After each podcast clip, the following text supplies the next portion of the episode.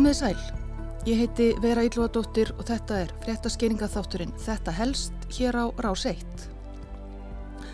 Það eru komin sjö ár síðan alþjóðlegi stríðskleipa dónstólinn fyrir Rwanda lauk störfum eftir að hafa dæmt í tugum mála tengt þjóðarmorðinu hryllilega í Rwanda 1994.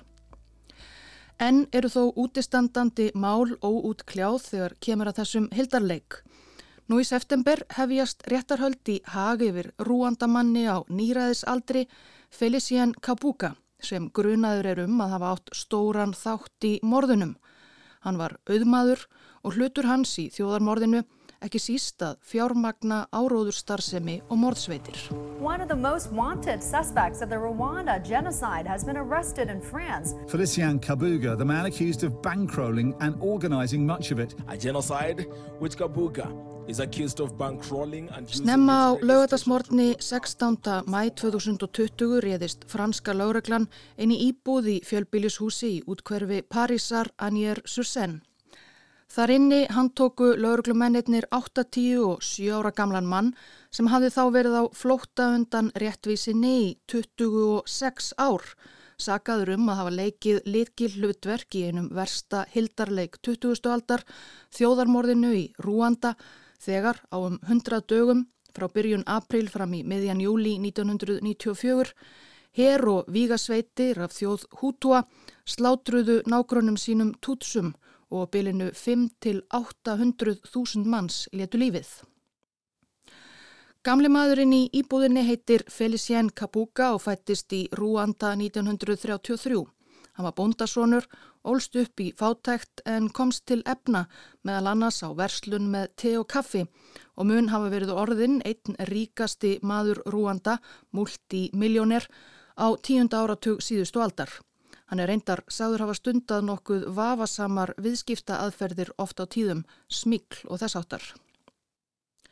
Hútuar og tútsar í Rúanda eru náskildar þjóðir, tala sama tungumál, rúandísku og hafa búið í hæðum Rúanda öldum saman, en alls ekki alltaf í sátt og samlendi.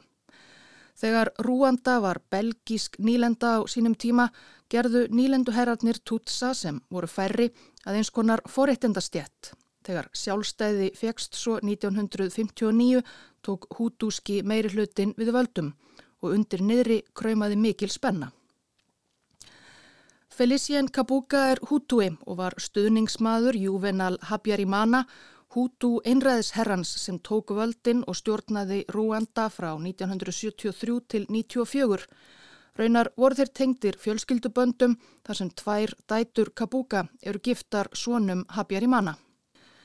1990 hófst borgarastyrjöld í Rúanda þegar uppreysnar fylking Tutsa, föðulandsfylkingin eða RPF, réðist inn í Rúanda frá Úganda með það markmiði að steipa Hutu stjórn Habyarimana. Kabuka stutti þá hérna svo kulluðu Hutu Power reyfingu sem vildi ekki semja um neittn frið við uppreysnar menn Tutsa heldur berjast til síðasta blóðdrópa eða eins og varð ofan á hreinlega útrýma Tutsum. Í dag er sunnudagur 19. júni 1994. Klukkan er 22 mínútur yfir fjögur hér í Kigali í hljóðstofu hins frjálsa útvars hinn að þúsund hæða. Við herðum brot úr útsendingu rúandísku útvarstöðvarinnar Radio Television Lípt Mílkólín frjálsu útvarpi hinn að þúsund hæða en Rúanda er stundum kallað land hinn að þúsund hæða. Stöðin hóf útsendingar 8. júli 1993. Helsti styrtaraðli hennar var auðmaðurinn Felician Kabuka en stöðin var stopnuð af þjóðirnissinnum Hútua sem mótvægi við hitt hlutlausa ríkisútvarp Rúanda og sambarilega útvarstöð sem uppreysnar menn Tutsa heldu úti ætlaða sínu fólki. Stöðin útvarpaði linnulausum áróðri gegn Tutsum ætluðum Hútuum Þulur kallaði Tutsa Kakalaka og öðrum skammarnöfnum í gríð og erg. Kabuka fjármagnaði einnig útgáfu tímarits Kangúra með sama öfgafulla boðskap. 7. april 1994 var fluguvél Juvenal Habyarimana forsetta skotin niður rétt fyrir utan höfuborg Rúanda Kigali. Hútu þjóðurni sinnar kendu tútsum um morðið og héttu hemdum strax úr frjálsu útvarpi hinn að þúsund hæða og möðu myrk fyrirmæli til hlustenda, hútúar, hefnið og drepið nágranna ykkar. Tilkynning til allra kakkalakkar sem eru að hlusta og Rwanda tilheyrir okkur sem að verja landið og þið, kakkalakkar, eruð ekki alvöru Rwandamenn.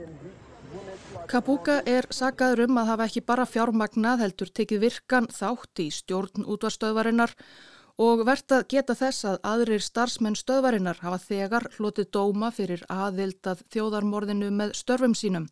Meðal annars útvarstjóri RTML Fernand Nahimana sem dæmdur var í lífstíðarfangelsi 2003 fyrir að kvetja til þjóðarmorðs í útvarpi. Kabuka hefur svo einnig verið sagaður um að hafa í gegnum fyrirtæki sín fluttinn fjölmarkar sendingar af sveðjum í aðdraganda þjóðarmórsins. Sveðjum sem síðan var dreift til almennra hútua sem notuðu þær óspart til morða og ábeldis. Einnig mun hann hafa keift önnur vopn, handsprengjur og fleira og stutt indira hamve morðsveitir sem gengu lengst í ábeldi og morðum. Allir eru á fullu að sigra tútsa, herfóringjar, unga fólkið, karlar og konur. Kakalakarnir eiga sér yngrar undankomu auðið. Hútuar hlítu kalli frjálsa útvarf sinna þúsund hæða. Á bylunu 500 til 800 þúsund manns fjallu á 100 dögum þjóðarmórsins um 70% af öllum tútsum í Rúanda. Margir hakkaður í spað með sveðjum þeim sem Kabuka flutti inn eða beittir annars konar viðurstyggilegu ábeldi á meðan alþjóða samfélagið gerði lítið sem ekkert til að binda enda á blóðbæðið. Ef við útrýmum öllum kakalökkunum mun enginn dæm okkur því við verðum sigurvegarannir. Martröðinni laug loksins þegar Vígasveitir föðulandsfylkingarinnar skipuð tútsum sem hafðu haldið til í grannríkinu Úganda gerðu innrás sigruðu þjóðarmorðingja hútúa og lögðu landið undir sig. Eins og margir fórsprakkar myrkraverkana flúði Felicien Kabuka þá land. Fyrst reyndi hann að flýja til Sviss en var meinaður aðgangur Þá fór hann til Kinshasa, höfuðborgar Östur Kongo og er svo talinn hafa farið yfir til Kenya þar sem hann dvaldi um ára byl. Talið að kenísk yfirvöld eða einhver önnur öll í kenísku samfélagi hafi hjálpað honum og skotið yfir hans skjólshúsi þar. Hann gatt alltjöndir ekkið fyrirtæki næsta óáreittur í Nairobi borg þrátt fyrir að vera eftirlýstur á heimsvísu og 5 miljón dollara verlaun í bóði fyrir upplýsingar sem gætu leitt til handtöku hans. Tvísvar komst hann þó nærri handtöku. Árið 1997 réðust kenískir lauruglumennin í hús nokkuð í Nairobi þar sem talið var að Kabuka heldi til. En þeir gripu í tómt. Í íbúðinni fundu þeir miða frá kollega þeirra í lauruglunni sem hafi varað Kabuka við aðgerðinni. 2003 gerði bandaríska alríkislauruglan FBI svo tilrönd til að hafa hendur í Hári Kabuka með því að leggja fyrir hann gildru. Við þetta naut FBI liðsinnis ungs kenísks kaupsíslumanns William Munuhe sem komið hafði á framfæri upplýsingum um Kabuka. Lauraglann bað Munuhe um að lokka Kabuka á heimili sitt í útkverfi Nairobi á fund með meintan viðskiptasamning sem yfirskinn. Kenískir lauruglumenn fylgdust með húsinu en Kabuka dúkaði ekki upp á umsömdum tíma. Og ekkert spurðist heldur til Williams Munuhe.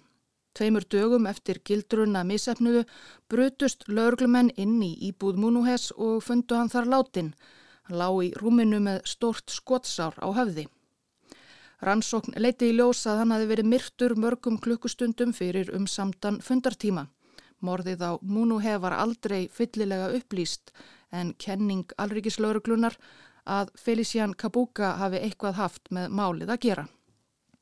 2008 vöknuðu grunnsemtir um að Kabuka væri í Oslo í Noregi en þær reyndust líklega ekki á rökum reistar. Sama ár var maður handtekinn í Nairobi sem talinn var vera hann en reyndist vera saklaus háskólakennari, alls ótengdur Kabuka og þjóðarmorðinu. Óvist er hvenar Kabuka flutti sig um set til Fraklands þar sem hann var svo loks handtekinn 2020. Það varð loks fjölskylda hans sem varð honum að falli. Kabuka á að minnstakosti 11 börn og verðast þau hafa hjálpað honum að fara huldu höfði.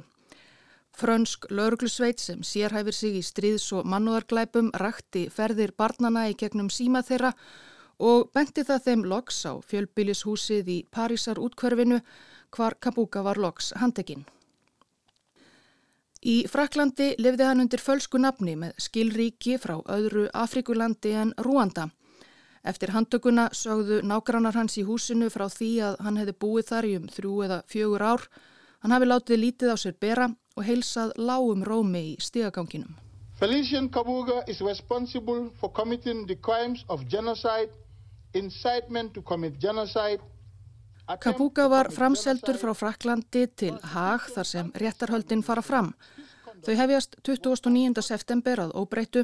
Kabuga er sagaður um þjóðarmorð og mannúðarglæpi og fleiri óhæfuverk.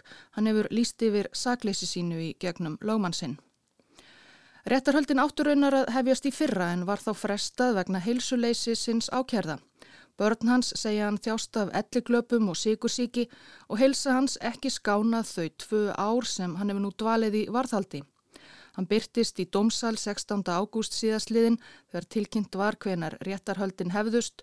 Blaðamenn á staðnum sögðu að hann hafi litið veiklulega út og var fluttur inn og út úr domsal í hjólastól. Hann mælti ekki orð af vörum. Naptali Asikassie, formaður Íbúka, samtaka fólks sem lifði þjóðarmorðið af, fagnaði því að komin væri tími á réttarhöldin og brínt að ljúka þeim hratt og öruglega, heilsu hins ákerða vegna, svo réttlætinu er því öruglega fullnægt. Tilkynnt var í mæ á þessu ári að leitað öðrum rúandamanni á flótta væri lokið.